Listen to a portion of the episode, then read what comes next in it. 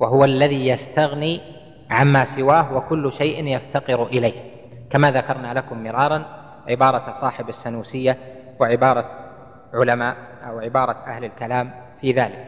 وهذا التفسير بكون الإله هو القادر على الاختراع وهو الرب لأهل الكلام من أجله صار الافتراق العظيم في فهم معنى كلمة التوحيد وتوحيد العبادة وفي فهم الصفات وفي تحديد أول واجب على العباد.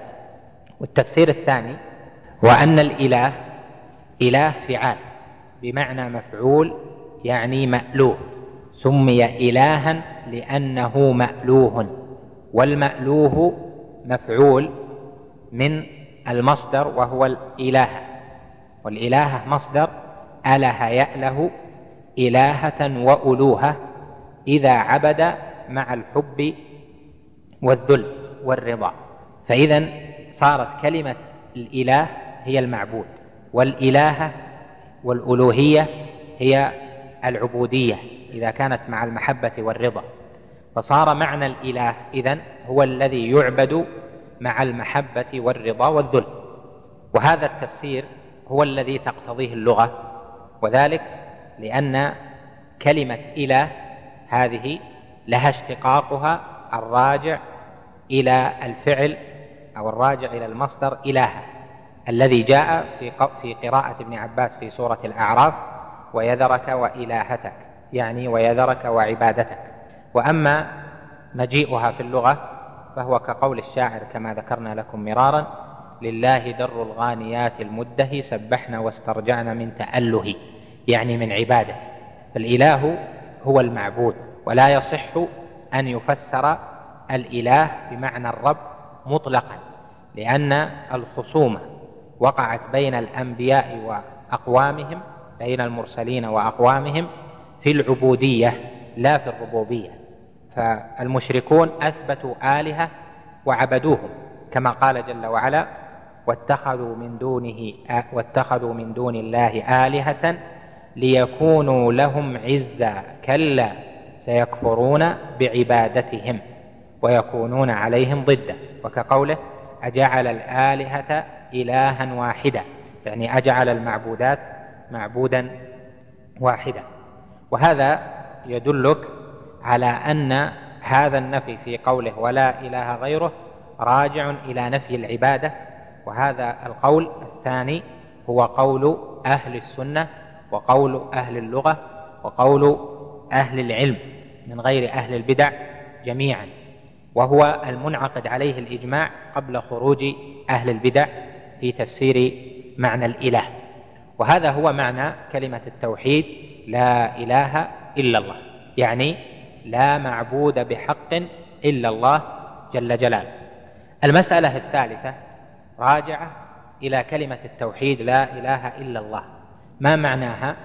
معناها لا معبود حق إلا الله جل وعلا. وكما هو معلوم الخبر في قوله لا خبر لا النافيه للجنس محذوف لا إله ثم قال إلا الله. وحذف الخبر خبر لا النافيه للجنس شائع كثير في لغة العرب كقول النبي صلى الله عليه وسلم لا عدوى ولا طيرة ولا هامة ولا صفر ولا نوء ولا غول. الخبر كله محذوف. وخبر لا النافية للجنس يحذف كثيرا وبشيوع إذا كان معلوما لدى السامع. كما قال ابن مالك في الألفية في البيت المشهور وشاع في ذا الباب يعني باب لا النافية للجنس وشاع في ذا الباب إسقاط الخبر إذا المراد مع سقوطه ظهر. فإذا ظهر المراد مع السقوط جاز الإسقاط. وسبب الإسقاط إسقاط كلمة حق لا إله حق إلا الله أن المشركين لم ينازعوا في وجود إله مع الله جل وعلا وإنما نازعوا في أحقية الله جل وعلا بالعبادة دون غيره وأن غيره لا يستحق العبادة. فالنزاع لما كان في الثاني دون الأول يعني لما كان في الاستحقاق دون الوجود جاء هذا النفي بحذف الخبر لأن المراد مع سقوطه ظاهر وهو نفي الأحقية. كما قال تعالى ذلك بأن الله هو الحق وأن ما يدعون من دونه هو الباطل. وفي الآية الأخرى قال جل وعلا ذلك بأن الله هو الحق وأن ما يدعون من دونه الباطل. فلما قال سبحانه ذلك بأن الله هو الحق وأن ما يدعون من دونه هو الباطل قرن بين أحقية الله للعبادة وبطلان عبادة ما سواه دل على أن المراد في كلمة التوحيد لا إله إلا الله هو نفي استحقاق العبادة لشيء لأحد غير الله جل وعلا. فإذا صار تقدير الخبر بكلمة حق صوابا من جهتين.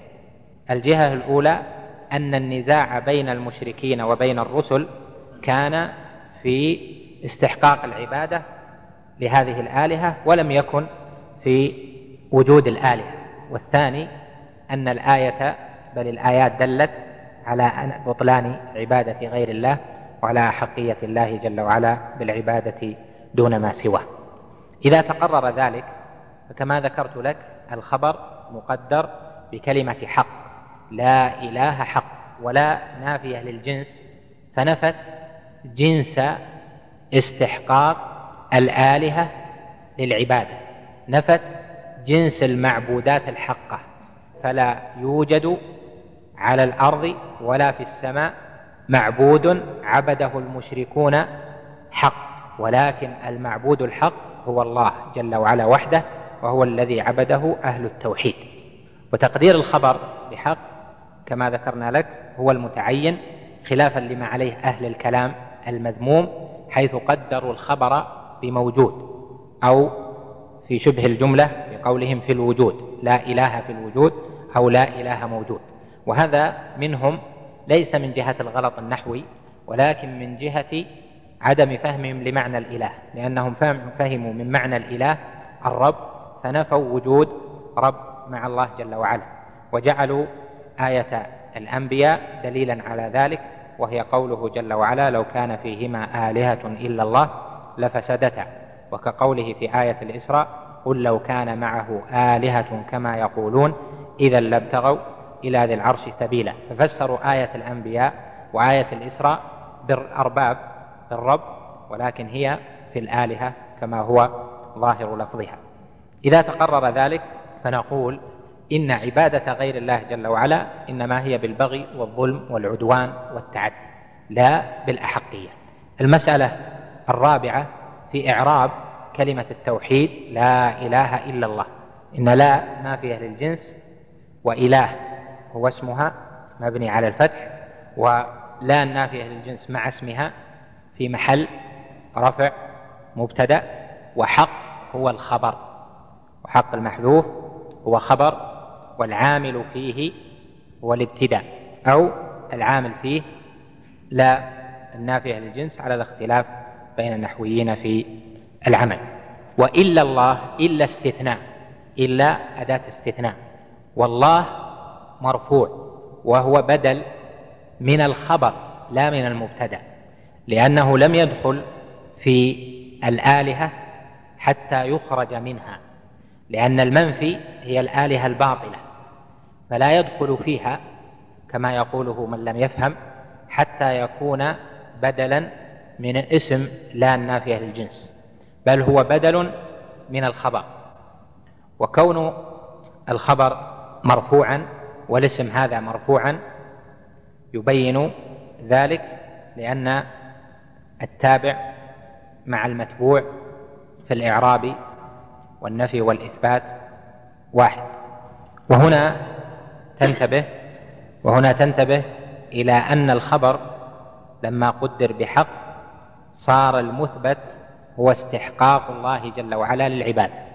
ومعلوم أن الإثبات بعد النفي أعظم دلالة في الإثبات من إثبات مجرد بلا نفي.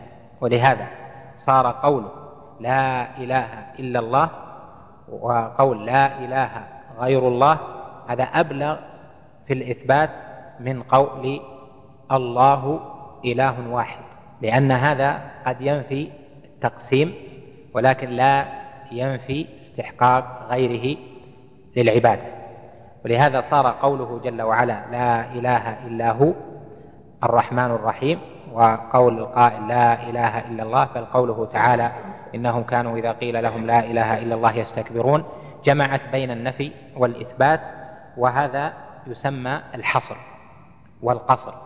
ففي الآية حصر وقصر وبعض أهل العلم يعبر عنها بالاستثناء المفرغ وهذا ليس بجيد بل الصواب فيها أن يقال هذا حصر وقصر فجاءت لا نافية وجاءت إلا مثبتة ليكون ثم حصر وقصر في استحقاق العبادة في الله جل وعلا. حصر وقصر لاستحقاق العبادة في الله جل وعلا دون غيره. وهذا عند علماء المعاني في البلاغة يفيد الحصر والقصر والتخصيص يعني أنه فيه لا في غيره. وهذا أعظم دلالة فيما اشتمل عليه النفي والإثبات. ومعنى كلمة التوحيد وتفصيل الكلام عليها ترجعون إليه في موضعه من كلام أئمة الدعوة رحمهم الله تعالى. المسألة الأخيرة على قوله ولا إله غيره أن هذا هذه الكلمة فيها إثبات توحيد العبادة لله جل وعلا كما ذكرنا. وتوحيد العبادة لله جل وعلا لا يستقيم إلا بشيئين كما ذكرنا بنفي وبإثبات. فالنفي وحده لا يكون به المرء موحدا والإثبات وحده لا يكون به المرء موحدا حتى يجمع ما بين النفي والإثبات.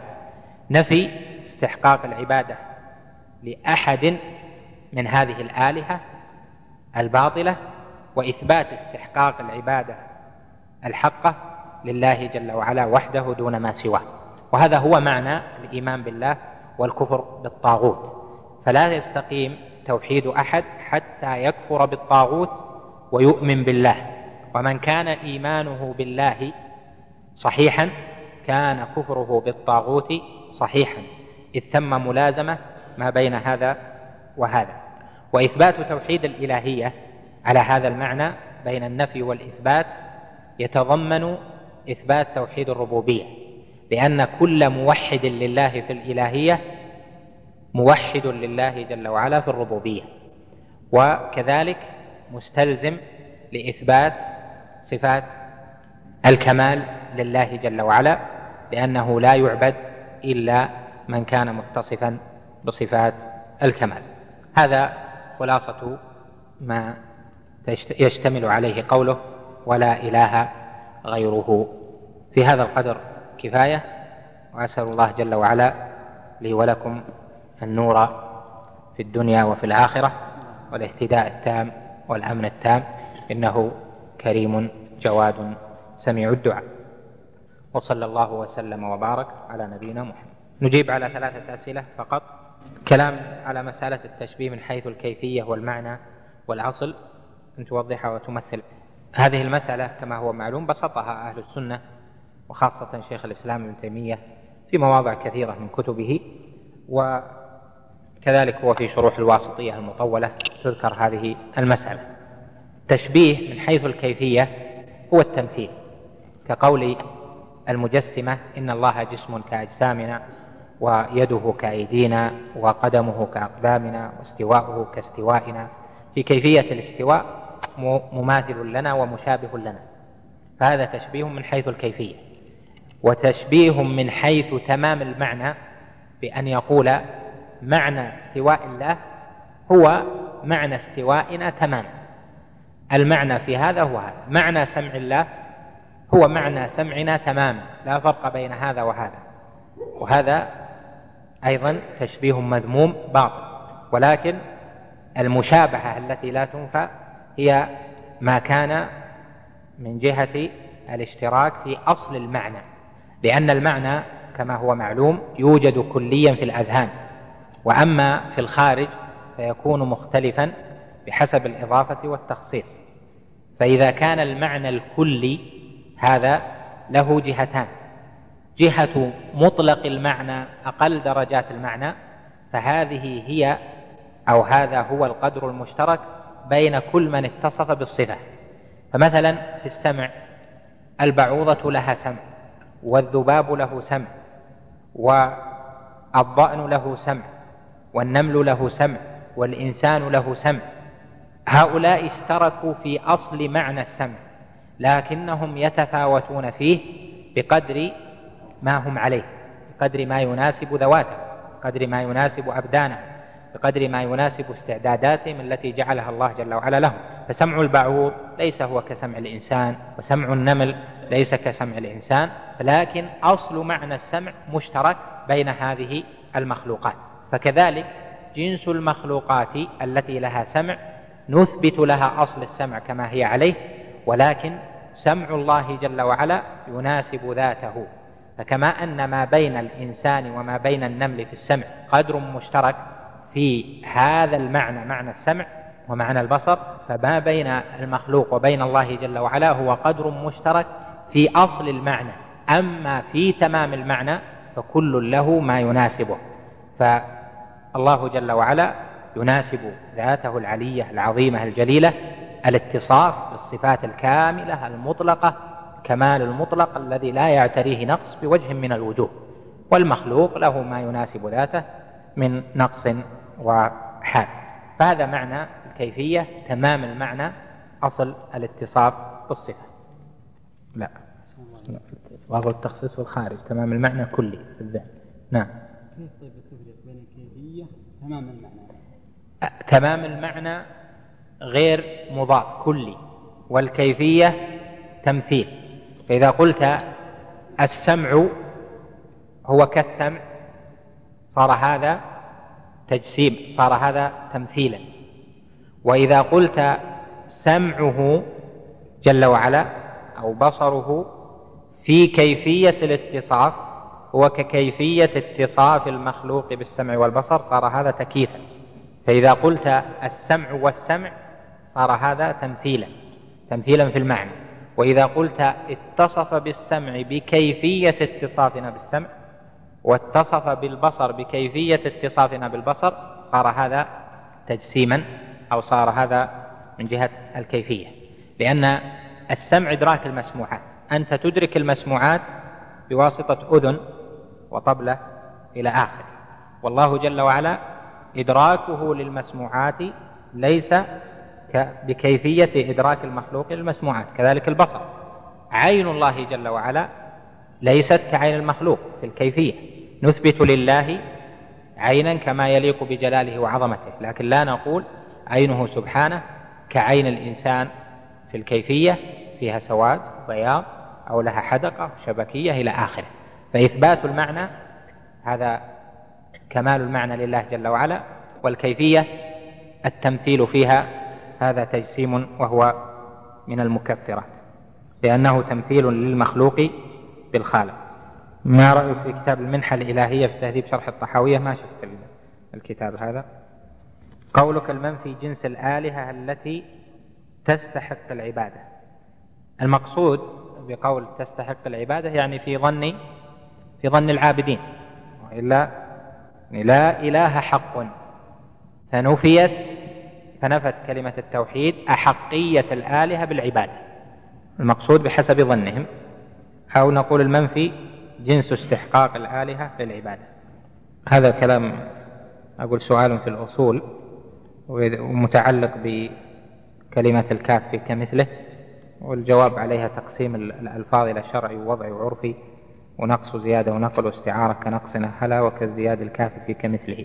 هذا أقول البحث فيه معروف لكن هذا يحتاج إلى بسط آخر. هذا السؤال. طيب يقول قال أهل السنة كما ذكرتم قاعدة أهل السنة أن النفي مجمل والإثبات مفصل وأن أهل البدع عكس لأهل السنة. فما القول عندما يقول أحد من أهل البدع إملاء الكريم؟ إيش؟ املأ الكون ها؟ نفي املأ الكون. املأ الكون نفيا. ولا تقل بإثبات فيكون النفي عندهم والإثبات مجمل. ماذا ما أفهم الكلام. املأ الكون نفي يعني زي ما تبي.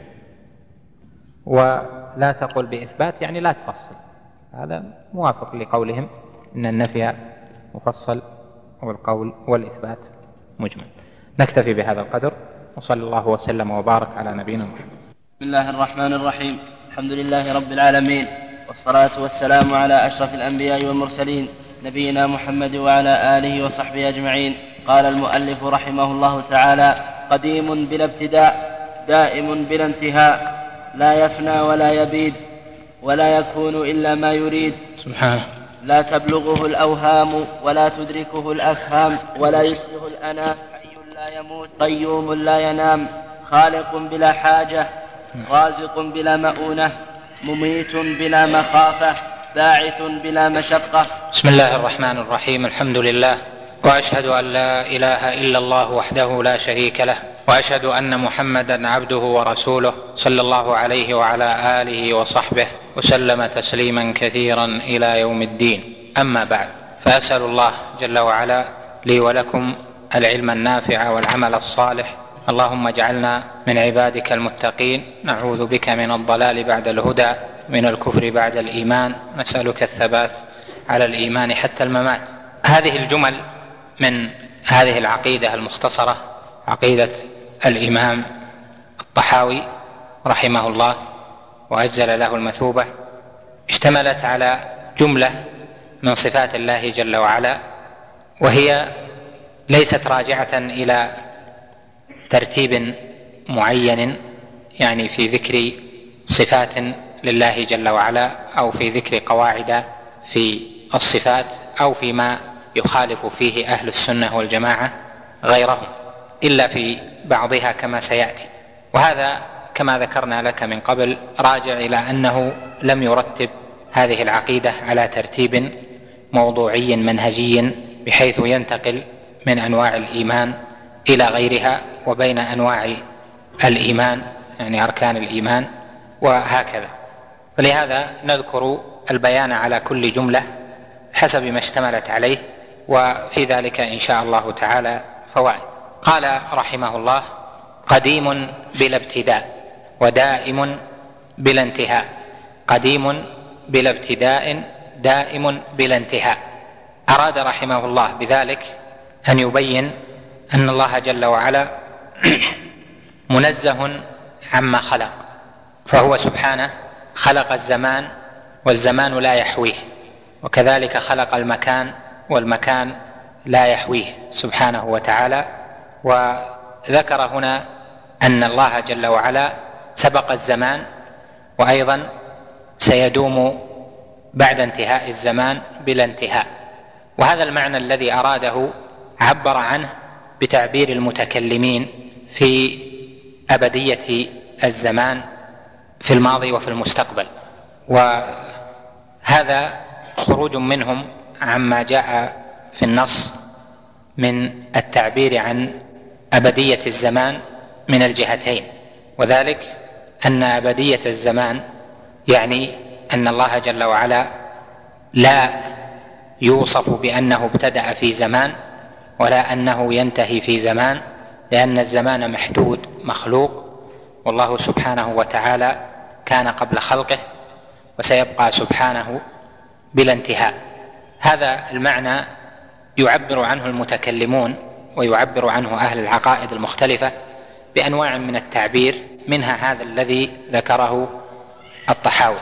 ومن المعلوم أن التعبير الذي جاء في الكتاب والسنة هو قول الحق جل وعلا هو الأول والآخر والظاهر والباطن وقوله سبحانه هو الأول والآخر هذا في المعنى الذي أراده الطحاوي.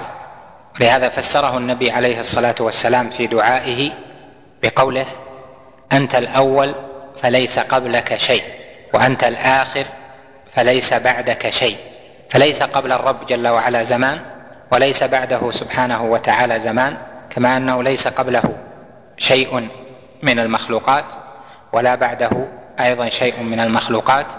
وهذا وهذان الاسمان الأول والآخر دلا على أنه سبحانه قديم كما ذكر بلا ابتداء وأنه دائم سبحانه بلا انتهاء. وما جاء في وصف الله جل وعلا في القرآن وفي سنة المصطفى صلى الله عليه وسلم هو الأكمل بل هو الصحيح. وأما ما ذكر من الوصف فسيأتي ما فيه في المسائل المتعلقة بهذه الجملة. فإذا قوله قديم بلا ابتداء دائم بلا انتهاء من جهة المعنى ومن جهة الدليل عرفتها. والمتكلمون يعنون بكلمة قديم غير ما يعنى بها في اللغة. فإنهم يعنون بالقديم الذي تقدم على غيره والغيرية هنا مطلقة بلا تقييد فتشمل كل ما هو غير الله جل وعلا يعني من جميع المخلوقات. فيكون قولهم في وصف الله بأنه قديم أو في أسماء الله بأنه سبحانه القديم يعنون به المتقدم على غيره مطلقا. وهذا التقدم يشمل كل الأزمنة الماضية وزيادة. ولذلك احترز المصنف رحمه الله بقوله قديم بلا ابتداء لأن كونه متقدما على غيره قد يكون من جهة التقسيم العقلي أن له ابتداء سبحانه معروف وهذا مما لم يأذن الله جل وعلا لنا بعلمه ولا تدركه أوهامنا ولا عقولنا ولا قلوبنا فلذلك قال قديم بلا ابتداء. وهذا هو معنى كما ذكرت لك اسم الله الأول الذي ليس قبله شيء. فإذا تعبير المتكلمين عن الرب جل وعلا عن اسمه الأول بكونه قديم وأنه القديم هذا أرادوا به غير المعنى اللغوي. وأما المعنى اللغوي فإن القديم هو الذي صار متقدما على غيره وسيعقبه غيره وقد سبقه غيره كما قال جل وعلا والقمر قدرناه منازل حتى عاد كالعرجون القديم وكقول الحق جل وعلا وإذ لم يهتدوا به فسيقولون هذا إفك قديم وأشباه ذلك والقدم أو التقدم أو القدم في اشتقاق هذه المادة في اللغة راجعة إلى ما تقدم على غيره. وهذا في اللغة. ومعلوم أن اللغة موضوعة للأشياء المحسوسة التي رآها أو عرفها العرب. ولهذا دخل في اسم القديم المخلوقات. وإذا كان كذلك فإن القديم لا يوصف الله جل وعلا به كما سيأتي في المسائل. اذا فكلمة قديم بلا ابتداء هذه عند المتكلمين لها معنى غير المعنى في اللغة ومعناها عند المتكلمين كما ذكرت لك هو المتقدم على غيره. وفي اللغة المعنى أخص المتقدم أو ما كان متقدما على غيره وتقدمه غيره وهذا يجوز في اللغة وهم لم يريدوا هذا المعنى. ولذلك جعلوها جعلوا القديم من أسماء الله وجعلوا القدم صفة للحق جل وعلا. إذا تبين لك ذلك فقوله قديم بلا ابتداء هذا راجع إلى ما سمي بالأزلية بأزلية الرب جل وعلا وقوله دائم بلا انتهاء راجع إلى أبديته جل وعلا. ولفظ أزلية هذا مركب أو منحوت من لم يزل فلما أرادوا النسبة جعلوها للأزل يعني الزمان الماضي. القديم جدا الذي لم يزل لا يعرف له بداية. فيقال هم يعبرون بأنه أزلي جل وعلا أو أن صفات الرب جل وعلا أزلية. والتعبير عن هذه الأشياء بما جاء في الكتاب والسنة هو الحق. فلا يعبر عن هذه الأشياء بما لم يرد في الكتاب والسنة لأنه قد يشتمل على باطل والمرء لا يعلم ذلك حتى من جهة الاحتمالات العقلية أو الاحتمالات اللغوية. المؤلف احترز فقال قديم بلا ابتداء وهذا فيه احتراز جعل الجملة حق في نفسها لكن فيها مخالفة وعبر عن الأبدية بقوله دائم بلا انتهاء. إذا تبين لك ذلك فعندهم أن القدم هو قدم الذات يعني عند المتكلمين وعند الأشاعرة وأشباه هؤلاء والمعتزلة عندهم القدم حينما يطلقونه يريدون به قدم الذات وأما قدم الصفات فهذا فيه تفصيل. فقوله قديم بلا ابتداء دائم بلا انتهاء يعنون به قدم الذات ودائم الذات. أما الصفات فلهم فيها تفصيل. وكأن الطحاوي درج على ما درجوا عليه لأنه عبر بتعبيرهم. إذا تقرر لك ذلك ففي قوله قديم بلا ابتداء دائم بلا انتهاء مسائل. المسألة الأولى في وصف الله بالقدم واسم القديم. وهذا كما ذكرت من الأسماء التي سمى الله جل وعلا بها سمى الله جل وعلا بها المتكلمون. فإنهم هم الذين أطلقوا هذا الاسم القديم على الرب جل وعلا وإلا فالنصوص من الكتاب والسنة ليس فيها هذا الاسم. وإدراج اسم الله وإدراج القديم في أسماء الله هذا غلط ولا يجوز وذلك لأمور. أما الأمر الأول فإن القاعدة التي يجب اتباعها في الأسماء والصفات ألا يتجاوز فيها القرآن والحديث. ولفظ أو اسم القديم أو الوصف بالقدم لم يأتي في الكتاب والسنة فيكون في إثباته تعد على النص. والثانية أن اسم القديم منقسم إلى ما يمدح به وإلى ما لا يمدح به فإن أسماء الله جل وعلا أسماء مدح لأنها أسماء حسنى و اسم القديم لا يمدح به لأن الله وصف به العرجون والقديم هذا قد يكون صفة مدح وقد يكون صفة ذم. والثالث أن اسم القديم لا يدعى الله جل وعلا به فلا يدعى الله بقول القائل يا قديم أعطني ويا أيها القديم أو يا ربي أسألك بأنك القديم أن تعطيني كذا. والأسماء الحسنى يدعى الله جل وعلا بها. وذلك لقوله ولله الأسماء الحسنى فادعوه بها. فالأسماء الحسنى يدعى بها يعني تكون وسيلة لتحقيق مراد العبد. ولهذا لم يدخل الوجه في الأسماء ولم تدخل اليدان في الأسماء ولا أشباه ذلك لأن هذه صفات وليست بأسماء والأسماء هي التي يدعى الله جل وعلا بها. وإذا تبين ذلك فننتقل للمسألة الثانية وهي ما ضابط أو المسألة الثانية هي ضابط كون الاسم من الأسماء الحسنى. والاسم يكون من أسماء الله الحسنى إذا اجتمعت فيه ثلاثة شروط أو اجتمعت فيه ثلاثة أمور. الأول أن يكون قد جاء في الكتاب والسنة يعني نص عليه في الكتاب والسنة نص عليه بالاسم لا بالفعل ولا بالمصدر وسيأتي تفصيل لذلك. الثاني أن أن يكون مما يدعى الله جل وعلا به. الثالث أن يكون متضمنا لمدح كامل مطلق غير مخصوص.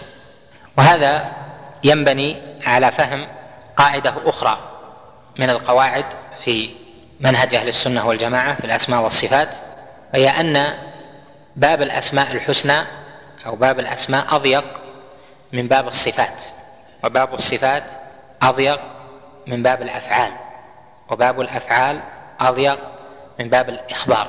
واعكس ذلك فتقول باب الإخبار عن الله جل وعلا أوسع وباب الأفعال أوسع من باب الصفات وباب الصفات أوسع من من باب الأسماء الحسنى. وهذه القاعدة نفهم منها أن الإخبار عن الله جل وعلا بأنه قديم بلا ابتداء لا بأس به لكن لا بأس به لأنه مشتمل على معنى صحيح.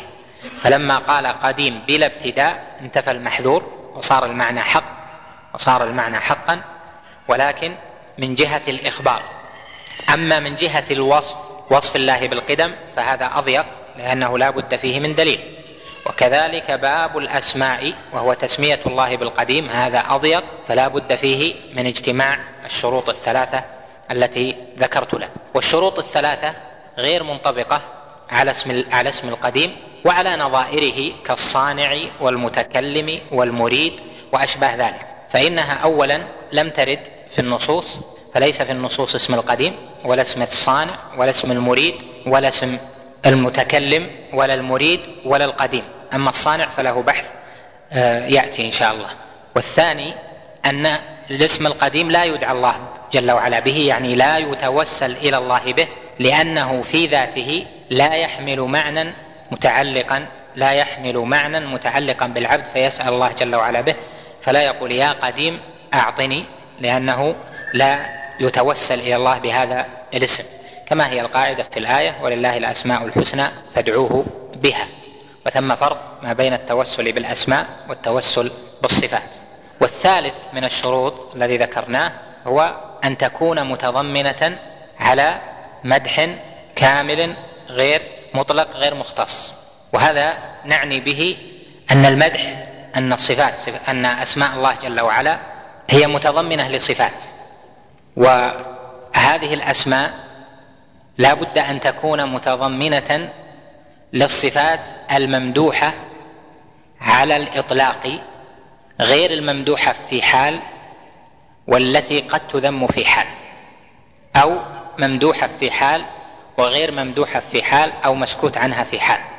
وذلك يرجع إلى أن أسماء الله جل وعلا حسنى يعني أنها بالغة في الحسن نهايته ومعلوم أن حسن الأسماء راجع إلى ما اشتملت عليه من المعنى ما اشتملت عليه من الصفة والصفة التي في الأسماء الحسنى والمعنى الذي فيها لا بد أن يكون دالا على الكمال مطلقا بلا تقييد وبلا تخصيص.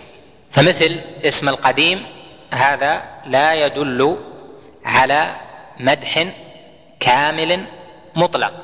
ولذلك لما أراد الشارح لما أراد المصنف أن يجعل اسم القديم أو صفة القدم مدحا قال قديم بلا ابتداء. وحتى الدائم هنا قال دائم بلا انتهاء. لكن لفظ القديم قيده بكونه بلا ابتداء. وهذا يدل على أن اسم القديم بحاجة إلى إضافة كلام حتى يجعل حقا وحسنا ووصفا مشتملا على مدح حق. لهذا نقول إن هذه الأسماء التي تطلق على أنها من الأسماء الحسنى يجب أن تكون مثل ما قلنا صفات مدح وكمال. وأما آه، مطلقة غير مختصة وأما ما كان ما كان مقيدا أو ما كان مختصا المدح فيه بحال دون حال فإنه لا يجوز أن يطلق في أسماء الله. ولهذا مثال آخر أبين من ذلك مثل المريد والإرادة فإن الإرادة منقسمة إلى إرادة محمودة إرادة الخير إرادة المصلحة إرادة النفع إرادة موافقة للحكمة والقسم الآخر إرادة الشر إرادة الفساد إرادة ما لا يوافق الحكمة إلى آخره. فهنا لا يسمى الله جل وعلا باسم المريد لأن هذا منقسم مع أن الله جل وعلا يريد سبحانه وتعالى فيطلق عليه الفعل وهو سبحانه موصوف بالإرادة الكاملة ولكن اسم المريد لا يكون من أسمائه لما ذكرنا. وكذلك اسم الصانع لا يقال إنه من أسماء الله جل وعلا لأن الصنع منقسم إلى ما هو موافق للحكمة وإلى ما ليس موافقا للحكمة. والله سبحانه وتعالى يصنع وله الصنع سبحانه كما قال صنع الله الذي أتقن كل شيء وهو سبحانه يصنع ما يشاء وصانع ما شاء. كما جاء في الحديث إن الله صانع ما شاء سبحانه وتعالى. ولكن لم يسمى الله جل وعلا باسم الصانع لأن الصنع منقسم. أيضا اسم المتكلم. المتكلم لا يقال في أسماء الله جل وعلا المتكلم لأن الكلام الذي هو راجع إلى الأمر والنهي منقسم إلى أمر بما هو موافق الحكمة أمر بمحمود وإلى أمر بغير ذلك. ونهي عما فيه المصلحة نهي عما فيه الخير ونهي عن ما فيه الضرر. والله سبحانه وتعالى نهى عما فيه الضرر ولم ينهى عما فيه الخير بل أمر بما فيه الخير. ولذلك لم يسمى الله جل وعلا بالمتكلم وهذه كلها أطلقها المتكلمون على أسماء على على الله جل وعلا فسموا الله بالقديم وسموا الله جل وعلا بالمتكلم وسموا الله جل وعلا بالمريد وسموا الله جل وعلا بالصانع إلى غير ذلك من الأسماء التي جعلوها لله جل وعلا.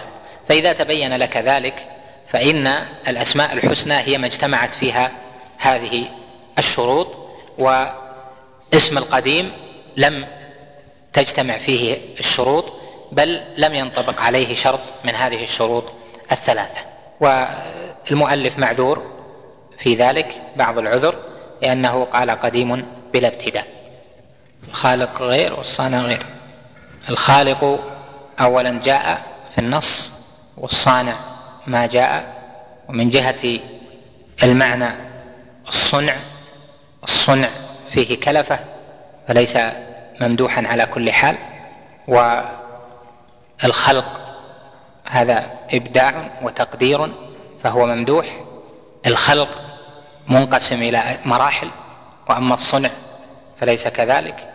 والله الخالق البارئ المصور فالخلق يدخل من أول المراحل والصنع لا. الصنع ليس كمالا ممكن يصنع هو في غير يعني يصنع ما هو محمود ويصنع ما هو مذموم يصنع بلا برء ولا إنفاذ وقد يصنع شيئا لا يوافق ما يريده.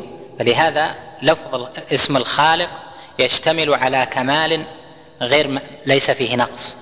وأما اسم الصانع فإنه يطرأ عليه يطرأ عليه أشياء فيها نقص من جهة المعنى. ومن جهة الانفاذ لذلك جاء اسم الله الصانع جاء اسم الله الخالق ولم يأتي في أسماء الله الصانع. المسألة الثالثة والأخيرة المتعلقة بهذه الجملة أن قوله قديم ودائم كما ذكرنا عند أهل السنة يعبر عنه بالأول والآخر كما جاء في النص.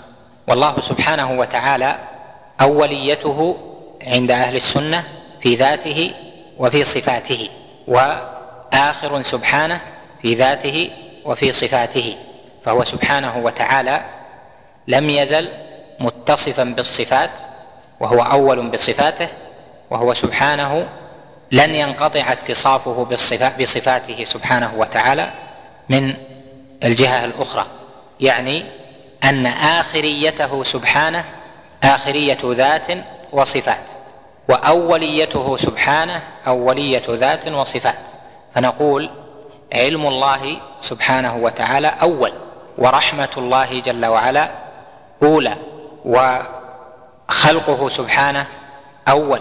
يعني اتصافه بهذه الصفات كذاته سبحانه فهو الأول الذي ليس قبله شيء لا في ذاته ولا في صفاته. وهذا سيأتي له مزيد بيان عند قوله ما زال بصفاته قديما قبل خلقه لم يزدد بكونهم شيئا لم يكن قبلهم من صفته. ولم وكما كان بصفاته ازليا كذلك لا يزال عليها ابديا المقصود أن التعبير عن صفات الله جل وعلا بكونها أو أولى والله جل وعلا أول بذاته وصفاته هذا الموافق للنص. أما نقول الكلام القديم أو خلقه القديم أو حكمته القديمة وأشباه ذلك فإن هذا لم يرد وأيضا يحتمل معنى غير صحيح. الجملة الثانية قوله لا يفنى ولا يبيد وكونه سبحانه لا يفنى ولا يبيد ذلك لكمال حياته جل وعلا وكمال قيوميته. دل على ذلك قوله سبحانه كل من عليها فان ويبقى وجه ربك ذو الجلال والإكرام. ويدل عليها قوله كل شيء هالك إلا وجهه في أحد تفسيرين. ويدل عليها قوله جل وعلا الله لا إله إلا هو الحي القيوم لا تأخذه سنة ولا نوم. وذلك لكمال حياته وكمال قيوميته. وإذا انتفى الأدنى انتفى الأعلى من باب أولى. ولهذا قال لا يفنى ولا يبيد. سبحانه وتعالى وأراد المصنف بقوله لا يفنى ولا يبيد أراد شيئين فيما يظهر. الأول أن هذا فيه مزيد وصف الله جل وعلا بكمال الحياة وكمال القيومية جل وعلا وتفسير لقوله دائم بلا انتهاء. والثاني أن بعض أهل البدع زعموا أن بعض صفات الله جل وعلا تفنى أو أن بعض آثار أسمائه جل وعلا يبيد ونحن نطلق القول بأنه جل وعلا لا يفنى ولا يبيد سبحانه وتعالى في ذاته وفي أسمائه وصفاته. ولا نقيد ذلك في الزمن المستقبل بشيء بل نقول هو على إطلاقه بأنه سبحانه آخر فليس بعده شيء وأنه لن يزال متصفا بصفاته بمشيئته وقدرته. جل وعلا. فإذا قوله لا يفنى ولا يبيد هذا لكمال ربوبيته سبحانه كمال اتصافه بالصفات. ثم قال ولا يكون إلا ما يريد. وهذه الجملة الأدلة عليها كثيرة من الكتاب والسنة. فإن الله سبحانه وتعالى قال وما تشاءون إلا أن يشاء الله. إن الله كان عليما حكيما. وقال سبحانه وما تشاءون إلا أن يشاء الله رب العالمين. وما شاء الله كان وما لم يشأ لم يكن. والله سبحانه يشاء الأشياء فتكون كما شاءها جل وعلا. ولا تخرج مشيئة العبد عن مشيئة الله جل وعلا للأشياء. وقوله ولا يكون إلا ما يريد يريد به المشيئة. يعني لا يكون إلا ما يشاءه سبحانه. فالإرادة هنا المعني بها الإرادة الكونية وأراد بهذه الجملة الرد على القدرية الذين يزعمون أن الرب جل وعلا أراد طاعة المطيع وأراد إيمان المؤمن ولكن أراد إيمان المكلف ولكنه ولكن المكلف أراد الكفر وأراد المعصية فكان ما لم يرد الله جل وعلا. وهذا قول الذين يقولون إن العبد يخلق فعل نفسه كما هو قول المعتزلة وطوائف أيضا من القدرية.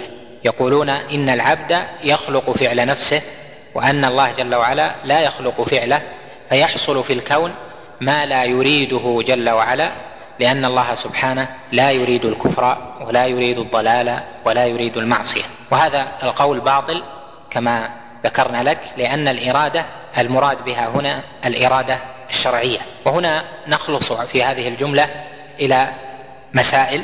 المسألة الأولى أنه أراد بقوله لا يكون إلا ما يريد أراد بالإرادة هنا المشيئة. والإرادة إرادة الله جل وعلا منقسمة إلى إرادة كونية يعني فيما يحصل في كون الله جل وعلا وإرادة شرعية. فأما الإرادة الكونية فكثيرة. في النصوص وهي مرادفة للمشيئة فمشيئة الله هي الإرادة الكونية. فإذا قلنا شاء الله كذا يعني أراده كونا. أما المشيئة فلا تنقسم إلى مشيئة كونية وإلى مشيئة شرعية بل هي نوع واحد هو مشيئة في كونه.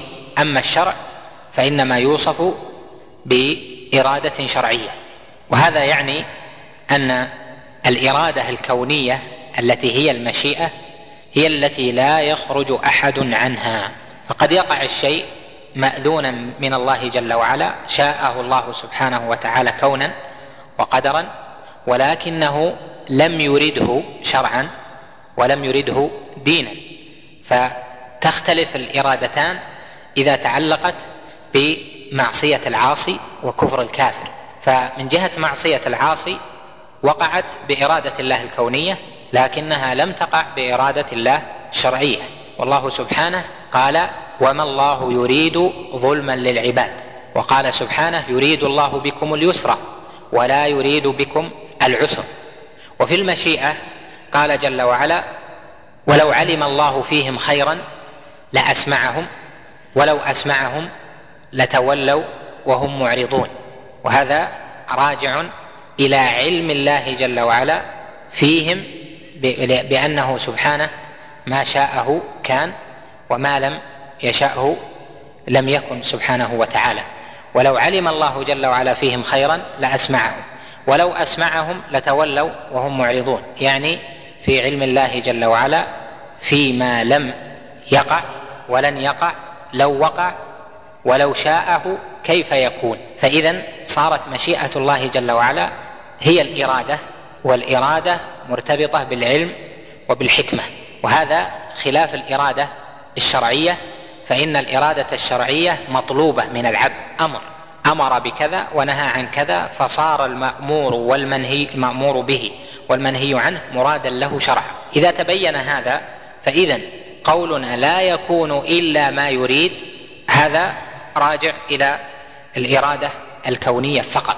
والذين لم يفرقوا ما بين الإرادتين وقع منهم الغلط في معصية العاصي وضلال الكافر فيما سيأتي بيانه إن شاء الله في موضعه من مباحث القدر. المسألة الثانية أن قوله لا يكون إلا ما يريد فيه تداخل ما بين إرادة الله جل وعلا وإرادة العبد. وإرادة العبد هي مشيئته وهي خارجة عن رؤية الحكمة وأما إرادة الله جل وعلا الكونية فهي منظور فيها بالحكمة. فالله سبحانه يريد بما يوافق الحكمة والعبد يريد ما لا يوافق الحكمة وقد يريد ما يوافق الحكمة. وإذا كان كذلك فإرادة الله جل وعلا بالعبد موافقة للحكمة سواء تعلقت بالمعين أو تعلقت بالمجموع. وهذا يعني أن إرادة العبد فيما يريده خارجة عن مقتضى حكمة الله جل وعلا. إذا أراد شيئا في نفسه له يعني له بخصوصه. والله جل وعلا يريد من العبد ما يوافق حكمته. فقد تجتمع الإرادتان فيما فيه حكمة لله جل وعلا وقد تختلف الإرادتان فيما كان يريده العبد ولا يوافق حكمة الله جل وعلا. وهذا يعني أن العبد قد يتجه بإرادته إلى شيء فيصرف عنه لعدم موافقته لحكمة الله جل وعلا. في في نفسه يعني فيما يتعلق بالعبد أو فيما يتعلق بالمجموع. والله جل وعلا قد يريد الشيء كونا ولا يكون إلا ما يريد لموافقته للحكمة في خصوص العبد في نفسه أو ظهور الحكمة في نفسه أو لظهور الحكمة في المجموع يعني في غيره. ولهذا نقول ما من شيء يريده الله سبحانه وتعالى في ملكوته إلا وهو موافق للحكمة.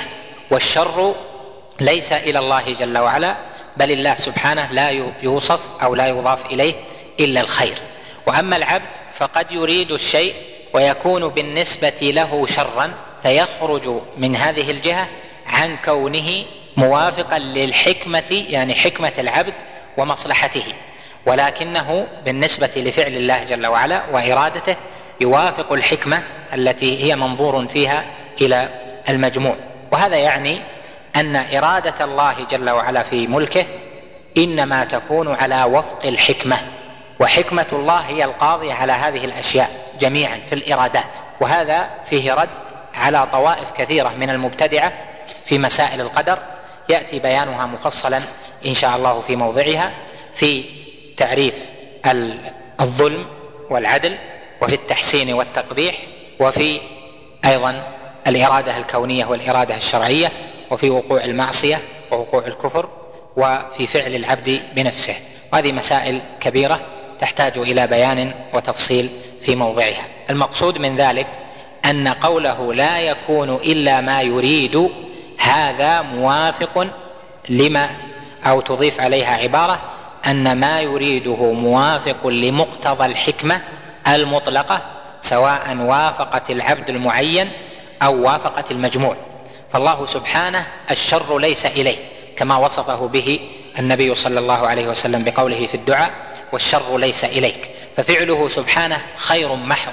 وقد يأذن بالشر المضاف إلى العبد ولا يكون شرا بالنسبة لإرادته سبحانه فالله لا يريد ظلما للعباد ولا يريد شرا بالعباد وإنما العباد أرادوا ذلك بأنفسهم وإذا وقع ذلك فإنما يقع بالإضافة إلى فعل العباد وليس مضافا إلى الله سبحانه لأن فعله سبحانه خير محض.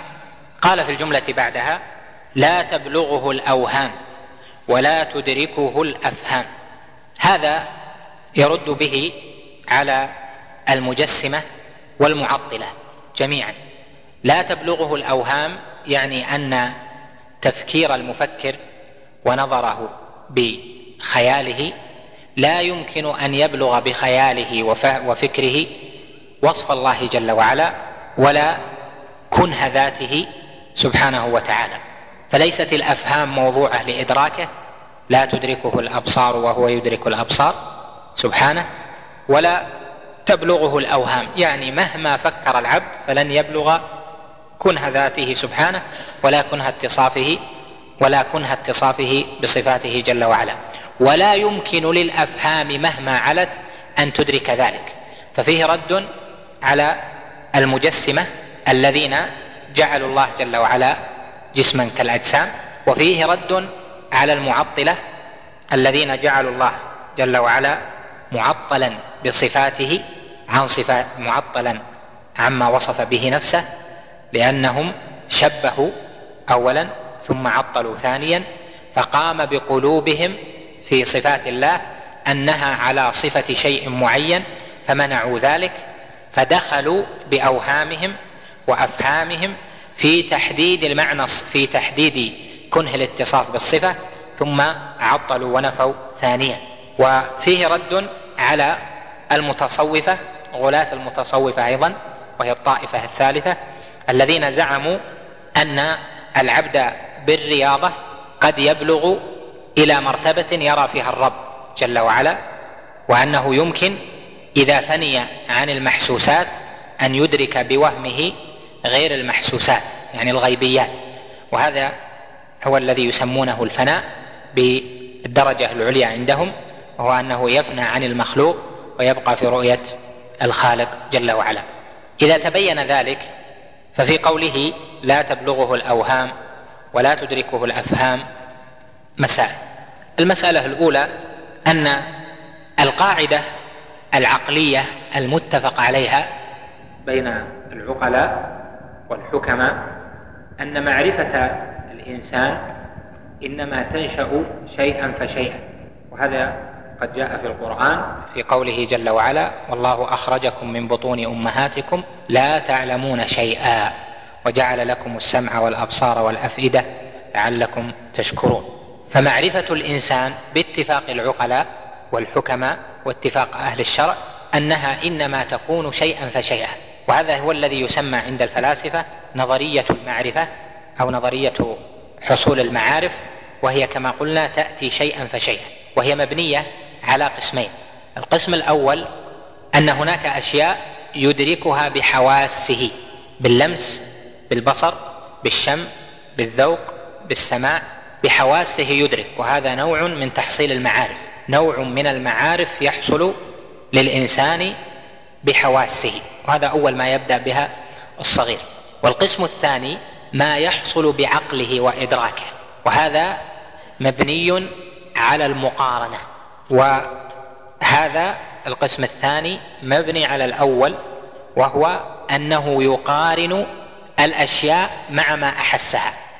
فالمحسوسات التي أدركها بعينه وبشمه وبذوقه وبسمعه وبلمسه للأشياء هذه تسمى ضرورية لأن وجودها لا يحتاج إلى برهان. وغيرها مما يحصل به المعرفة إنما يكون منسوبا عنده لهذه الأشياء. فيرى مثلا هذا العمود فيراه بإحساسه ذا حجم. ثم يرى عمودا آخر أصغر منه فيراه مختلفا عنه في الطول فعقد المقارنة وقال هذا أصغر من هذا. ثم عقد المقارنة فقال هذا أكبر من هذا. عقد المقارنة بين الألوان فقال هذا أبيض وهذا أسود وهذا أحمر. عقد المقارنة بين الأشياء الحرارية فقال هذا بارد وهذا متوسط وهذا دافئ وهذا حار إلى آخر ذلك.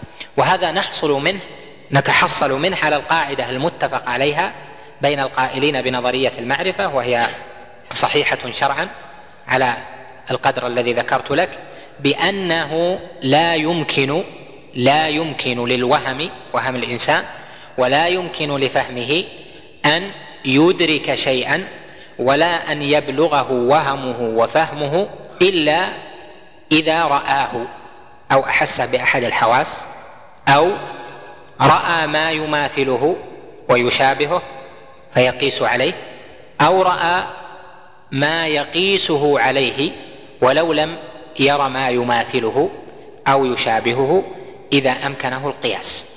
فمثلا يقول مثلا نذكر صفة حيوان ما إذا قيل لك هناك حيوان اسمه القلم أي اسم؟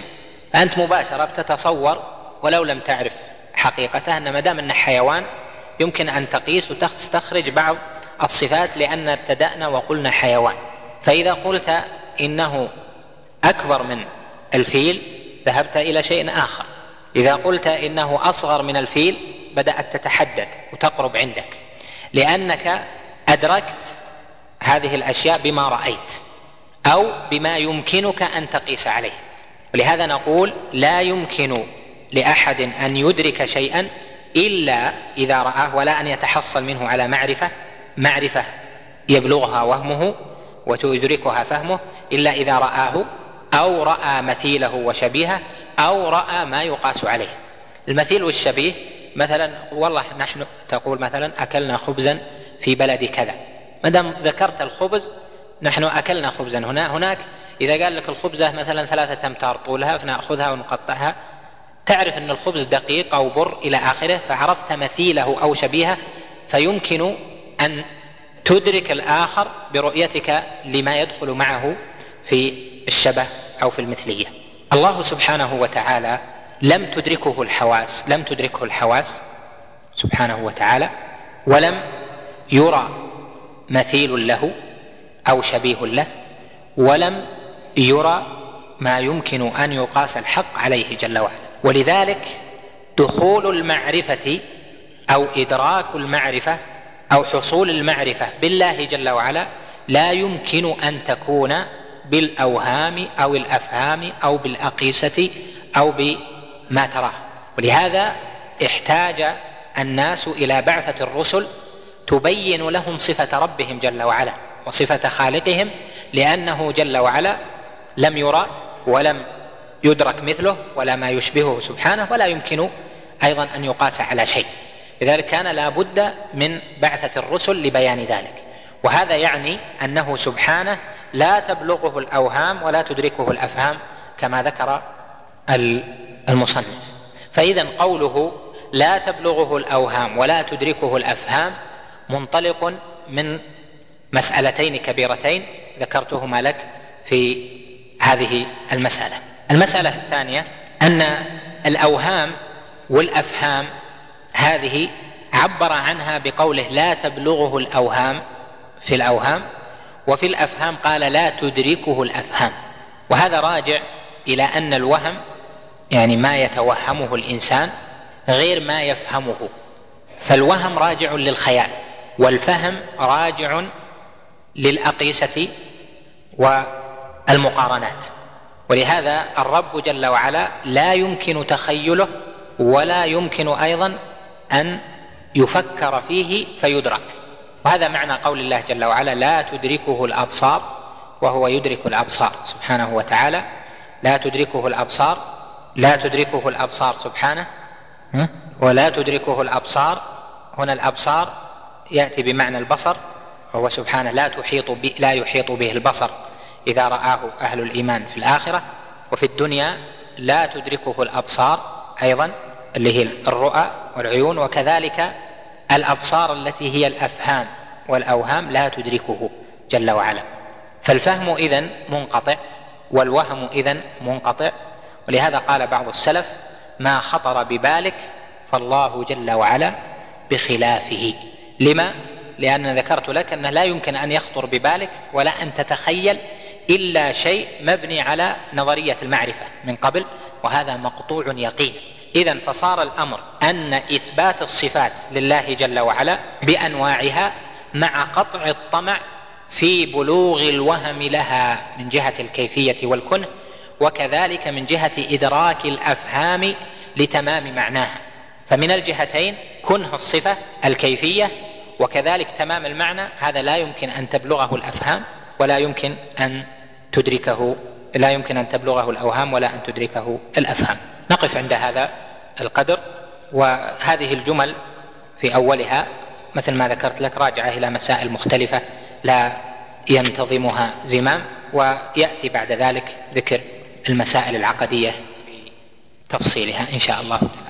ذكر سؤال هذا سؤال يرجع إلى شرح كشف الشبهات ذكرناه بتفصيلها ما الفرق بين بلوغ الحجة وفهم الحجة. وهذا سؤال علمي هام في حفظ المتون. ما له علاقة بالدرس؟ لا هذا من باب التعبير الإخبار. مثل ما ذكرنا في أوله.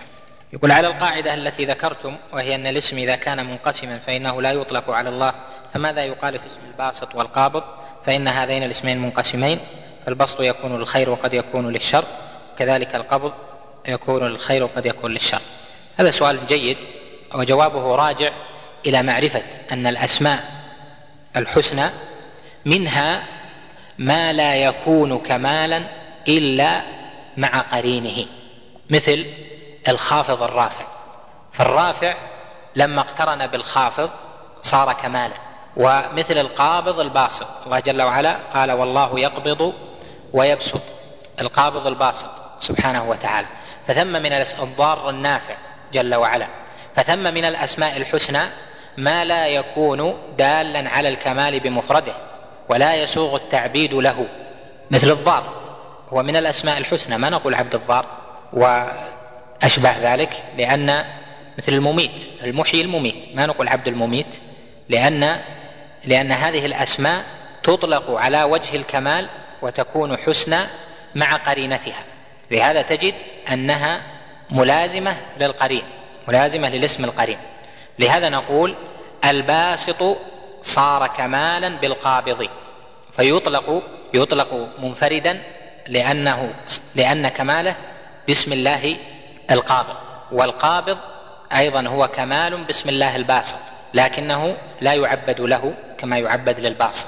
ومثله النافع والضار فالضار كماله بالنافع والنافع كماله بالضار لأنه يدل على القهر والجبروت لله جل وعلا وكذلك المحيي المميت. وهذا يأتينا في عند قوله إن شاء الله آه، مميت بلا مخافة.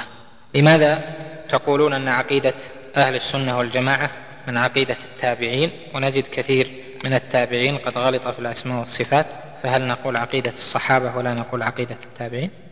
اولا من حيث الأدب في السؤال ما يناسب لطالب العلم أن يسأل قوله لماذا تقولون؟ ان هذا فيه منافاة لأدب المعلم لأدب المتعلم مع المعلم. هذه واحدة. الثانية أن قوله نجد كثيرا من التابعين قد غلط في الأسماء والصفات التابعون إذا أراد بالذين غلطوا في الأسماء والصفات من ادركوا الصحابة فليس هؤلاء من التابعين للصحابة بإحسان. لهذا قال جل وعلا والذين اتبعوهم بإحسان. ليس كل من تبع فجاء تابعا للصحابة يكون محمودا. لهذا نقول عقيدة الصحابة والتابعين المراد بالتابعين الذين أثنى الله عليهم بأنهم تبعوهم بإحسان. أما الذين تبعوا الصحابة زمانا وخالفوهم عقيدة وابتدعوا في الأسماء والصفات أو في القدر أو في في الإيمان مثل الخوارج والمرجئة والقدرية واشباه هؤلاء هؤلاء لا يدخلوا لا يدخلون أصلا في كلامنا فخير الناس قرن النبي صلى الله عليه وسلم ثم الذين يلونهم ثم الذين يلونهم. والمراد من كان منهم على الحق. إن أراد السائل بعض الغلط المروي عن التابعين من من أهل السنة يعني ممن تبع الصحابة بإحسان فإنه لا يقال إنهم غلطوا في الأسماء والصفات وإنما حصل بعض العبارات التي ينازعون فيها انهم اجتهدوا لكن لا يقال إنهم غلطوا في ذلك ولكن يقال لهم اجتهدوا فيوقف أو ينسب إليهم اجتهاد اجتهادهم ولا يعدون. ما يعتبرون غلطوا ما في مسألة يقال غلطوا فيها في الصفات تابعين بإحسان ولا غلطوا بالأسماء لأنه ان غلط في هذا الأمر في أصل من أصول الصفات أو من الأسماء فإنه لا يكون من التابعين بإحسان. ورد في الحديث وسلطانك أعوذ بوجهك الكريم وسلطانك القديم. هذا معروف البحث. السلطان هنا المقصود به السلطان في هذا الحديث مقصود به الخلق يعني الملكوت أو يقصد به الصفة المتعلقة بذلك. وهذا فيه بحث زيادة على ما ذكرت ولكن آه، هذه الكلمة لا تعني أن القديم من أسماء الله جل وعلا. أو أنه من صفاته سبحانه لأنه وصف به سلطانه سبحانه. أعوذ بوجه الله الكريم وبسلطانه القديم. سلطان الله القديم الذي هو صفة تدبيره سبحانه وهذه ليست راجعة إلى الاسم القديم الذي يدل على الذات. لأن يعني كما هو معلوم أن الأسماء تدل على الذات وتدل على الصفة. ما الفرق بين الصفات والأفعال؟ في قولك باب الصفات أضيق من باب الأفعال. يعني قد يكون هناك آه، أفعال تضاف إلى الله جل وعلا ولا نشتق منها صفة نصف بها الرب جل وعلا. فباب الأفعال أضيق من باب الصفات فليس كل فعل أطلق أو أضيف على إلى الله جل وعلا من فعله سبحانه نشتق منه صفة من الصفات. كذلك ليس كل ما جاز أن يخبر به عن الله جل وعلا جاز أن نجعل أن نجعله اسما له سبحانه أو أن نجعله صفة له سبحانه. وكذلك ليس كل صفة له جل وعلا يجوز أن نشتق منها اسم. مثل مثلا مثل الصنع. الله جل وعلا قال في آخر سورة النمل صنع الله الذي أتقن كل شيء. فالصنع هذا صفة. صنع الله. صنع الله هذا صفة. لكن لا لا يجوز أن نشتق منها الصانع لأن كما ذكرنا الشرط الشروط لا بد أن تكون اولا جاءت في الكتاب والسنة والثاني أن يكون يدعى بها واسم صانع لا يدعى به الرب جل وعلا. ما تقول يا صانع اصنع بكذا لأن ما يتوسل إلى الله به. والثالث أنه ليس مشتملا على مدح كامل مطلق غير مختص. مثل الأفعال باب الأفعال مثل الله يستهزئ بهم يخادعون الله آه، يمكرون ويمكر الله. هنا يمكرون ويمكر الله والله خير الماكرين. الله يستهزئ بهم. جاء إضافة الأفعال هذه إلى الله جل وعلا. ما نقول؟ نشتق منها صفة فيوصف الله بالمكر ويوصف الله بالاستهزاء وأشباه ذلك. هذا غلط. لأن باب الأفعال كما ذكرنا أوسع من باب الصفات وباب الصفات أضيق لأن المكر منقسم فيمكرون ويمكر الله. جاء هنا إضافة يمكر إلى الله جل وعلا يمكر الله. لكن المكر صفة منقسمة إلى المكر الذي هو بحق وهو ما دل على كمال وقهر وجبروت وهو المكر بمن مكر به سبحانه أو مكر بأوليائه أو مكر بدينه. فهذا تكون حق وإلى مكر مذموم وهو ما كان على غير وجه الحق. فإذا كان كذلك لا نشتق منها اسم كذلك صفة الاستهزاء. ما نقول إن من صفات الله الاستهزاء كذلك الملل. ما نقول من صفات الله الملل واشباه ذلك. إن الله لا يمل حتى تملوا. أطلق الفعل لكن ما تشتق من صفة لأن الصفة منقسمة. وكذلك من الصفة إلى الاسم وهذا فيه قواعد ذكرها ابن القيم رحمه الله في أول بدائع الفوائد. نقف عند هذا. نسأل الله لنا ولكم التوفيق والسداد. بسم الله الرحمن الرحيم. الحمد لله رب العالمين. صلى الله وسلم على أشرف الأنبياء والمرسلين. قال العلامة حجة الإسلام أبو جعفر الوراق الطحاوي رحمه الله تعالى. نقول في توحيد الله معتقدين بتوفيق الله. إن الله واحد لا شريك له ولا شيء مثله ولا شيء يعجزه ولا إله غيره. قديم بلا ابتداء دائم بلا انتهاء. لا يفنى ولا يبيد ولا يكون إلا ما يريد. لا تبلغه الأوهام ولا تدركه الأفهام ولا يشبه الأنام. حي لا يموت قيوم لا ينام. خالق بلا حاجة رازق بلا مؤونة مميت بلا مخافة باعث بلا مشقة. ما زال بصفاته قديما قبل خلقه لم يزدد بكونهم شيئا لم يكن قبلهم من صفته. وكما كان بصفاته أزليا كذلك لا يزال عليها أبديا. ليس منذ خلق الخلق استفاد اسم الخالق ولا بإحداثه البرية استفاد اسم الباري. له معنى الربوبية ولا مربوب ومعنى الخالق ولا مخلوق. بسم الله الرحمن الرحيم الحمد لله. وأشهد أن لا إله إلا الله وحده لا شريك له وأشهد أن محمدا عبده ورسوله صلى الله عليه وعلى آله وصحبه وسلم تسليما كثيرا إلى يوم الدين. اللهم نسألك العلم النافع والعمل الصالح والدعاء المسموع والقلب الخاشع. اللهم تقبل منا أعمالنا وثبتنا على ما يرضيك واجعلنا من عبادك المخلصين. أما بعد فهذه الجمل التي سمعنا من هذا المتن العظيم الذي هو متن العقيدة الطحاوية متصلة بما قبلها والكلام فيما تقدم كان عن وصف الله جل وعلا بصفات الكمال ونعوت الجلال والجمال.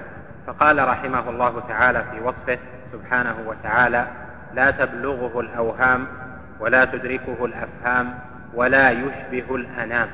وهذه كما ذكرنا لك فيما سلف عامة في جميع الصفات وأن صفات الحق جل وعلا لا تشبه صفات الأنام بالقيد الذي ذكرناه لك مفصلا فيما سلف.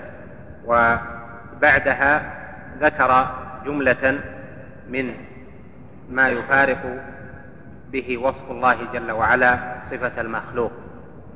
فقال بعد قوله ولا يشبه الأنام حي لا يموت قيوم لا ينام خالق بلا حاجة رازق بلا مؤونه مميت بلا مخافة باعث بلا مشقة. وهذه الصفات هي صفات وأسماء للحق جل وعلا فإن صفة الحياة ثابتة له جل وعلا. وكذلك صفة القيومية وصفة الخلق والرزق والإماتة والبعث له سبحانه وهو سبحانه المحيي والحي وهو القيوم جل وعلا كما قال سبحانه الله لا إله إلا هو الحي القيوم لا تأخذه سنة ولا نوم وكما قال ألف لام ميم الله لا إله إلا هو الحي القيوم وكذلك صفة الخلق وصفة الرزق. وغير ذلك من الصفات. فالأسماء أسماء الله جل وعلا كما هو معلوم مشتملة على صفات. وصفات الحق جل وعلا مباينة لصفات المخلوق من جهات. الجهة الأولى أن الرب جل وعلا يتصف بالصفة على وجه الكمال والمخلوق يتصف بالصفة على وجه النقص. والثاني أن الرب جل وعلا صفاته متلازمة لأنه سبحانه له الكمال المطلق وله الصفات العلى الكاملة من كل وجه. وأما المخلوق فصفاته غير متلازمة بل قد يكون فيه جملة من صفات النقص ويكون ثم فيه بعض الصفات التي هي كمال في حقه وإن كانت في الجملة لا يتصف بها إلا لنقص فيه. الوجه الثالث أن اتصاف المخلوق بالصفات وإن كان في أصل المعنى مشتركة مع صفات الحق جل وعلا لكنه اتصف بها على وجه الحاجة إليها. وأما الرب جل وعلا فهو متصف بصفاته لا على وجه الحاجة إلى آثار الأسماء والصفات. فمثلا المخلوق يقدر أو يقيم الأشياء لحاجته ويخلق ما يخلق لحاجته. والله سبحانه وتعالى خالق بلا حاجة ويهب المخلوق ويرزق لحاجته. والله سبحانه وتعالى يهب ويرزق ويعطي وهو الغني جل وعلا.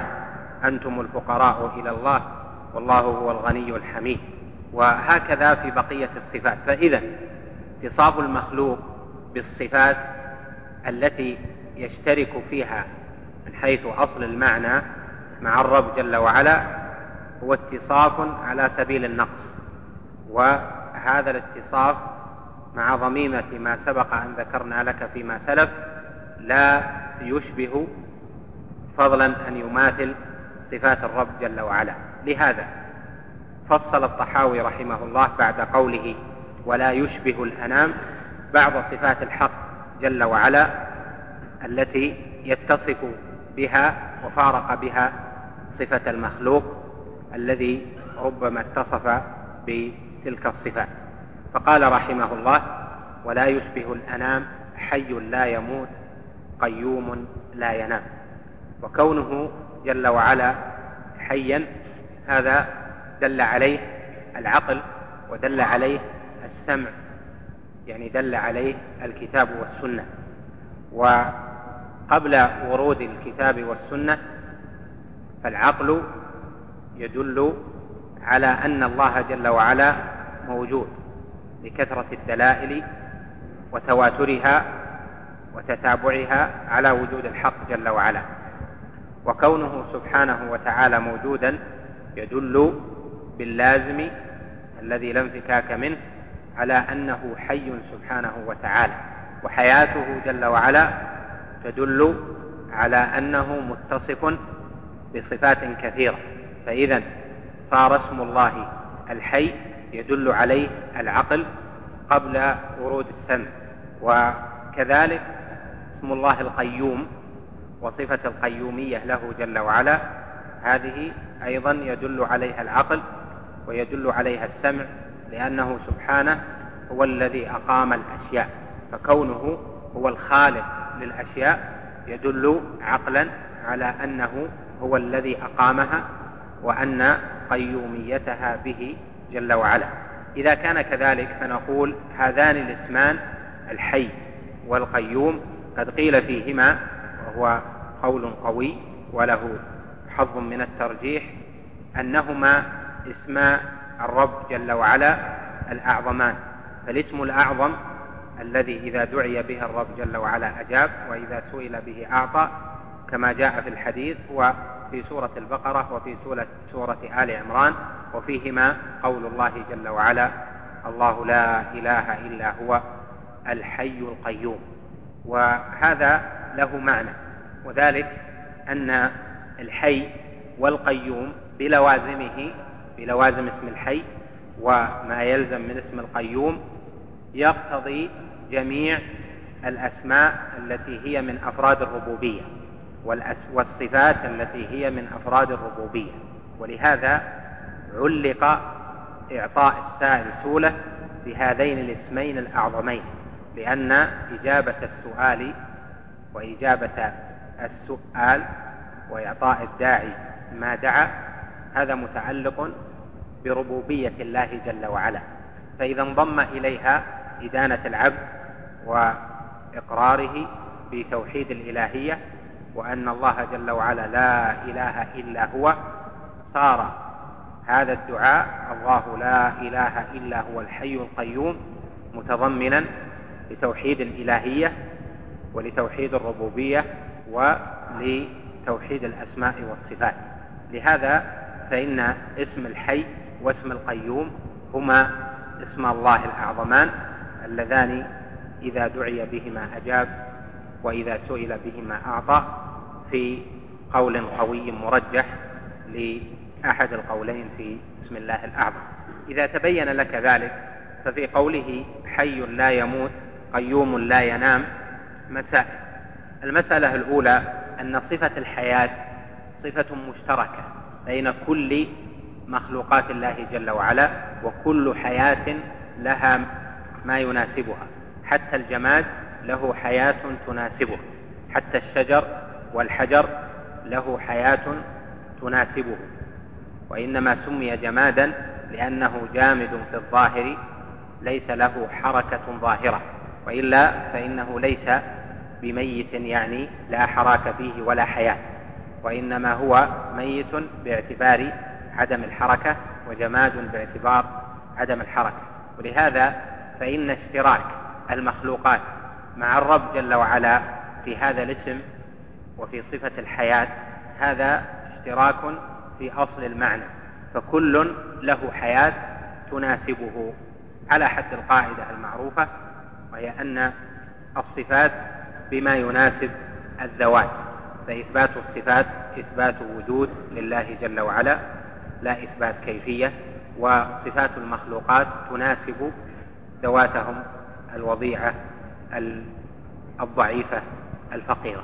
وهذا ظاهر أيضا في صفتي السمع والبصر كما قد قررناه لكم مرارا في قوله تعالى ليس كمثله شيء وهو السميع البصير. فإن صفة السمع وصفة البصر مشتركة بين أكثر الكائنات الحية وكذلك الحياة هي مشتركة بين جميع الكائنات الحية. منها ما حياته بالروح والنفس ومنها ما حياته بالنماء ومنها ما حياته خاصة به كالصخور والتراب وأشباه ذلك. ولهذا كان عليه الصلاة والسلام يقول كما رواه مسلم في الصحيح إني لأعلم حجرا بمكة ما مررت عليه إلا سلم عليه. فإذا إثبات هذه الصفة صفة الحياة واسم الحي لله جل وعلا يدل على نفي التعطيل بجميع أنواعه ويدل على إبطال التجسيم بجميع أنواعه. ولهذا صار مختصا بالرب جل وعلا على وجه الكمال لأن المخلوق يعلم أن حياته ناقصة قليلة. يريد زيادتها فلا يستطيع يريد أن يكون في وصفه بالحياة أكمل من وصف غيره فلا يستطيع. فدل على ظهور نقصه في الصفة المشتركة وبين جميع المخلوقات. المقصود من هذا أن في إثبات صفة الحياة لله جل وعلا إبطال للتعطيل وإبطال للتجسيم على الوجه الذي ذكرته لك وهو ظاهر في قوله ليس كمثله شيء وهو السميع البصير. المسألة الثانية أن الله جل وعلا قال الله لا إله إلا هو الحي القيوم لا تأخذه سنة ولا نوم وذلك لكمال حياته جل وعلا ولكمال قيوميته جل وعلا. وقوله هنا حي لا يموت قيوم لا ينام دلنا على القاعدة المقررة عند أهل السنة والجماعة وهي أن وصف الرب جل وعلا بالنفي ليس مقصودا لذاته وإنما هو لإثبات كمال ضد ما نفي. لهذا سبحانه أثبت الكمال له ثم نفى ليدل على إثبات الكمالات له جل وعلا. فلما قال الله لا إله إلا هو الحي القيوم قال لا تأخذه سنة ولا نوم ليدل على أن قوله لا تأخذه سنة ولا نوم لكمال حياته ولكمال قيوميته فنفى لتأكيد الإثبات. وهذا هو القاعدة المقررة عند أهل السنة والجماعة. فيما ينفى في القرآن وفي السنة عن الله جل وعلا فإنما هو لإثبات كمال ضده من صفات الحق جل وعلا. كما في قوله سبحانه ولا يظلم ربك أحدا لكمال عدله. وكما في قوله سبحانه وما كان ربك نسيا لكمال علمه سبحانه وحفظه سبحانه وقيوميته. وكقوله لم يلد ولم يولد. وكقوله ولم يكن له كفوا أحد وأشباه ذلك. المسألة الثالثة أن اسم القيوم لله جل وعلا واسم الحي هذان الاسمان متعلقان بخلقه جل وعلا يعني أن لهما الأثر في خلقه سبحانه وكل حياة تراها في خلقه فهي من آثار حياته جل وعلا. وكل صلاح أو فعل تراه في خلقه فهو من آثار قيوميته جل وعلا. واسم القيوم مبالغة لإثبات كمال قيامه سبحانه وتعالى على الوجه المطلق بنفسه وبخلقه. فلفظ القيوم اسم القيوم يدل على أنه سبحانه كامل فيما يختاره سبحانه وتعالى لنفسه من الصفات التي تقوم بمشيئته واختياره وقدرته سبحانه وكذلك له الكمال في ما يقيم به خلقه جل وعلا. وإذا تبين ذلك فإن قول قول المؤلف قيوم لا ينام هذا راجع إلى الآية. حيث قال لا تأخذه سنة وذلك لكمال حياته ولا نوم وذلك لكمال قيوميته جل وعلا. ففسر القيوم بأنه الذي لا ينام. أخي المستمع الكريم تابع ما تبقى من مادة هذا الشريط على الشريط التالي. مع تحيات تسجيلات الراية الإسلامية بالرياض. هاتف رقم أربعة تسعة واحد واحد تسعة ثمانية خمسة. والسلام عليكم ورحمة الله وبركاته.